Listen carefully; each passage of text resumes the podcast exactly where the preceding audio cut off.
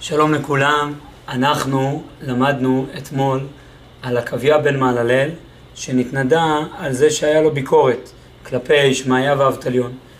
אומרת הגמרא, אמ, דתנן, אמר רבי, אמר רבי יהודה, חס ושלום שעקביה בן מעללל נתנדה, שאין האזהרה ננעלת על כל אדם מישראל בחוכמה ובטהרה וביראת חטא כעקביה בן מעללל. את מי נידו? את אלעזר בן חנוך שפקפק בנטילת ידיים. וכשמת שלחו בית דין והניחו אבן גדולה על ארונו, ללמדך שכל המתנדה הוא מת בנידויו, בית דין סוקלין את ארונו. בעצם עקביה בן מללל לא היה זה שנתנדה, חלילה וחס. למה? כי עקביה בן מללל שלוש מעלות מיוחדות יש בו, חוכמה, טהרה ויראת חטא.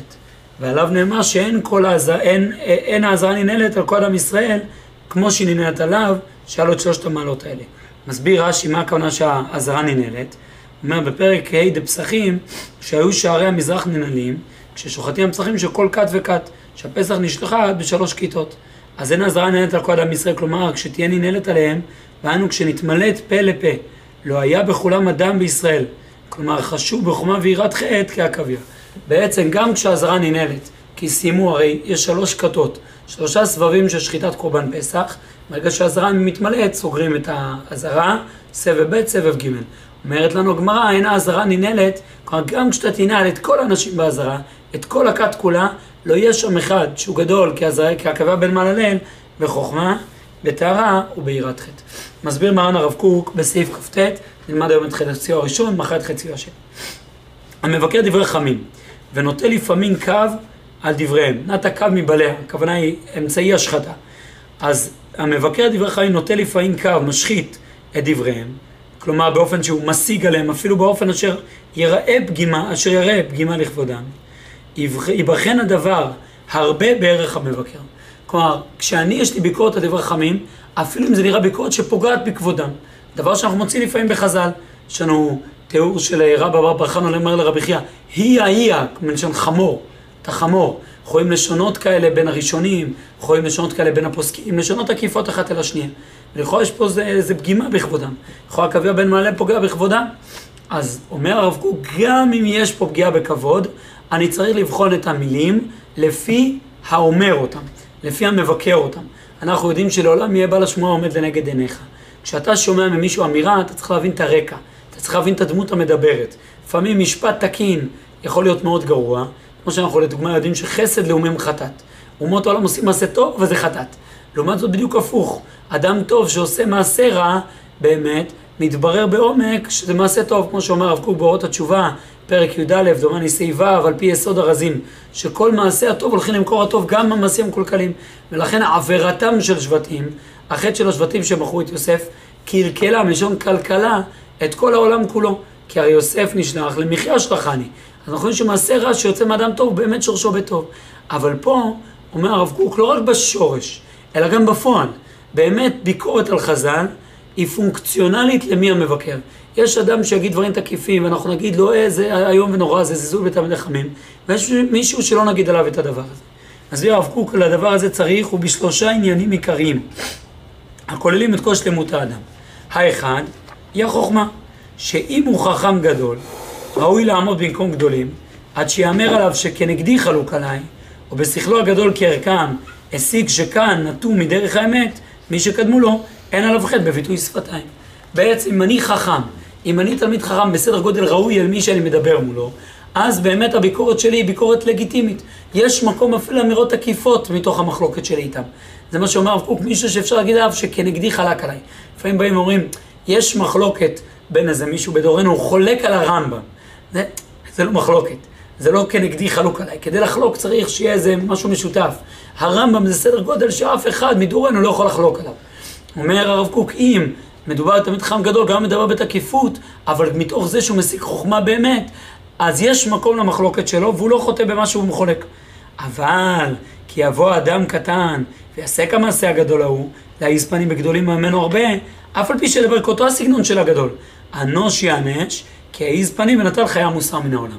יכול להיות שאדם יגיד בדיוק את אותה טענה. בדיוק את אותם משפטים שאמר אבן עזרא על התנ"ך. יבוא מישהו בדורנו ויגיד את אותו דבר על התנ"ך? לא, הוא כבר חוטא. כי הוא לא בא מהמקום שאבן עזרא בא. מבחינת מעלת השכל, מבחינת השגת החוכמה. אתה בא ממקום קטן, לכן המשפט, אפילו שאמרת את אותו משפט, הוא בא ממקום קטן, הוא משפט קטן. הטענות הן באות מקטנות ולא מגדלות. טענה ראשונה, מקום החוכמה בנפש. דבר שני, עיקר שני, היא טהרת הלב, שבאותו מייחס לפי השקפתו פנים, אה, פנייה צדדית, שפעלה על שכל אנשים גדולי עולם, צריך שיהיה לבבו טהור שבלבבות, עד שבנפשו ידע נאמנה כמה גדול כוח הטהרה של הלב הטהור, שלא לסור כלל מדרך האמת, אפילו בהיות לו פנייה ונגיעה. בעצם, כדי לבוא ולהגיד שלחז"ל הייתה פנייה, אני צריך להבין מה זה הלב של חז"ל. איזה עולם מידותי היה לחז"ל. איזה נקיות וטהרת נפש יש לחז"ל. בשביל להבין את הדבר הזה אני חייב להיות נקי וטהור. אם אני לא נקי וטהור, אני אבוא ואגיד לך, זה יש אינטרסים, כספים, פוליטיקה, כמו שהסברנו בסעיף כ"ז. בעצם אני אכניס פה כל מיני אינטרסים. בא הרב קוק ואומר, כשאתה עושה את הפעולה הזאת, באמת, יש ביטוי יפה מהבעל שם טוב, על פי המשנה כתוב, כל נגעים אדם רואה, חוץ מנגיע עצמו. בעצם, הפשט הוא, כשאני רואה צרת, אני יכול לראות צרת של אדם אחר, אסור לי לראות צרת של עצמי. אומר הבעל שם טוב, לא, לא, לא. כל נגעים אדם רואה חוץ, כלומר באופן חיצוני, מנגעי עצמו. הנגעים שיש לי בפנים, אני זורק אותם החוצה. מה שנקרא בפסיכולוגיה השלכה. יש לי איזה פגם שלי ואני משליך, אני אומר לאחר יש את הפגם הזה. אומר הרב קוק, לפעמים אתה בא ואומר לחז"ל יש פנייה. אבל למה? כי הלב שלך לא טהור. כי אתה מלא פניות. אתה מלא אינטרסים, ואז אתה מדביק את זה לגדולים. אתה מלא תאוות עריות, אז אתה אומר דוד המלך המלא בתאוות עריות. אתה מלא בבעיית חינוך ילדים, אז אתה מדביק ליצחק אבינו בעיות של חינוך ילדים ולעשו. לך יש חסרונות, אז אתה מדביק לגדולי ישראל. אה, יש לך טהרת נפש? יש לך נקיות? אתה יודע מהי נקיות אמיתית? אז אתה יודע לגשת לחז"ל. אתה מבין מי הם. ואם עם כל טהרת לבבו יוצא משפט שדבר זה לא השיג היה טהרת לב במעלה עליונה. אדם טהור לב אומר, זה כבר לא טהרה, יש פה חיסרון בטהרה, יש לי ביקורת על הטהרה, ויצא משגה, כי גם גדולי ערך, אדם המה. בא ואומר באמת, אף על פי שחז"ל טהורי לב בתכלית, פה הם שגו בדבר הזה. לא ממקום קטן של ביקורת הנפש, אלא מקום גדול שאני יודע מה עומק טהרת הנפש, אבל מה לעשות, הם בני אנוש. מה לעשות, הם בני אנוש. זה, זה יכול, בדיוק המשפט הזה להאמר בשני גוונים. חז"ל הם בני אנוש, מה אתה רוצה מהם, מה אתה מגדיל אותם, בני אנוש? אתה יכול להגיד, לא, הם אלוקים, הם טהורים, אבל הם בני אנוש שיצא משגה מתחת ידם. משגה, לא אינטרסים, לא לכלוך הנפש, לא מקומות נמוכים באישיות. ואפשר שיפלו במוקי שעתה, באדם כזה לא יעונה לא רע. רק אם איש חורש מחשבותיו, בן אדם שהמחשבות שלו שליליות, נטיות הלב שלו רעות, אשר לא קנה נפשו מאומה מהמידות העליונות הקדושות, קל וחומר שאין לו כלל ציור אמיתי, עד היכן תוכל להגיע, יהיה טהרת הלב להגיע. הוא לא בעל מידות, והוא לא מצליח להבין מה זה אדם טהור. להגיד ולשפוט רק בשם האמת, אף על פי שתהיה נגד שוקותיו כבודו הפרטי. שאדם טהור באמת, באמת באמת יכול לפסוק את הדברים מתוך טהרת הלב. כמו שאומרת הגמרא, מי זה תלמיד חכם? מי שיכול לראות טרפה לעצמו. כלומר שיכול לראות עכשיו דבר שהוא שחט ולהגיד זה פסול. אבל הפסדתי אלפי שקלים בזה שפסלתי את הפרה הזאת. לא מעניין. המקום האגואיסטי הפרטי שלי, הכלכלי שלי, לא מעניין.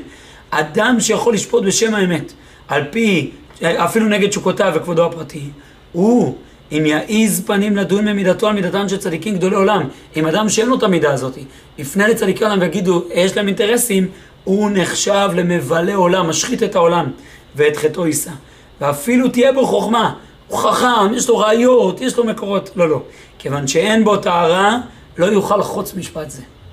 אמנם, אף אם נשלמו לאדם גם החוכמה וגם הטהרה, רק אז לא יוכל להיתפס על מוצא שפתה נגד גדולים, נגד גדולים, מחילה, רק בהיותו ידוע חטא במעלה יותר נפלא. לא מספיק שאני אהיה טהור, לא מספיק שאני אהיה חי, אני צריך גם להיות חטא. שעל ידי זה שאדם הוא חטא, נוכל לדעת ברור, שאם לא יתבררה אצלו אמיתת המשגה בעוצר חוכמתו וטהרת שכלו וחובתו הגדולה לקרוא בשם אמת, ודאי לא היה מוציא מפיו דבר, למרות כבוד חכמי תעודה שהם למורות לישראל. גם אם אני בשכלי לא מבין, וגם בטהרת הנפש שלי זה נראה לי לא נכון, סוף סוף אם אני אראה חטא, אני זהיר, זהיר, זהיר מלהוציא לעז על חכמים. זהיר מלהוציא לעז על ראשונים. זהיר מלהוציא לעז על קדמונים. אני מאוד זהיר כי יש לי יראת שמיים. אם אני בכל זאת, על אף שאני חכם כמוהם, נקי במידותיי כמוהם, ירא שמיים בתכלית ונזהר בדבריי, אז אני כאח חרד וירא פן יחטא בשפתיו. אז יש מקום לביקורת שלי על חז"ל. אמנם, מי שנתעטר בחוכמה, בתארו בירת חטא, ועם כל זה, יחשוב לו לחובה לבוא בדבר מיוחד בביקורת הזעה, חלילה לנו לחשוב עליו רע. לא יכול להיות, הקווה בין עלי להיות שהוא ביקרת חמים, אבל לא נידו אותו. למה לא נידו אותו? כי היה לו חוכמת טהרה ויראת חטא. וחלילה לירודי המעלה, להידמות אליו בהנהגה זו הראויה רק לא לפי מעלתו. לפעמים שני אנשים עושים את אותה פעולה, אחד ייקרא חוטא, השני ייקרא צדיק. כי הפעולה ביטה עולם אחר לגמרי. יש אדם שאוכל כמויות, כמויות, כמויות, אבל שבס קודש ועושה את זה בטהרה גדולה. יש אדם שאוכל כמויות, אבל זה עכשיו לא שבת והוא מכוון רק להנאת עצמו. יש, זה, זה פער אדיר בין צד אחד לצד השני. האם אני לחוד בעולם הקטן שלי, או שאני באמת אדם גדול ופונה אל עולם גדול בכל המעשים שלי. בעזרת השם.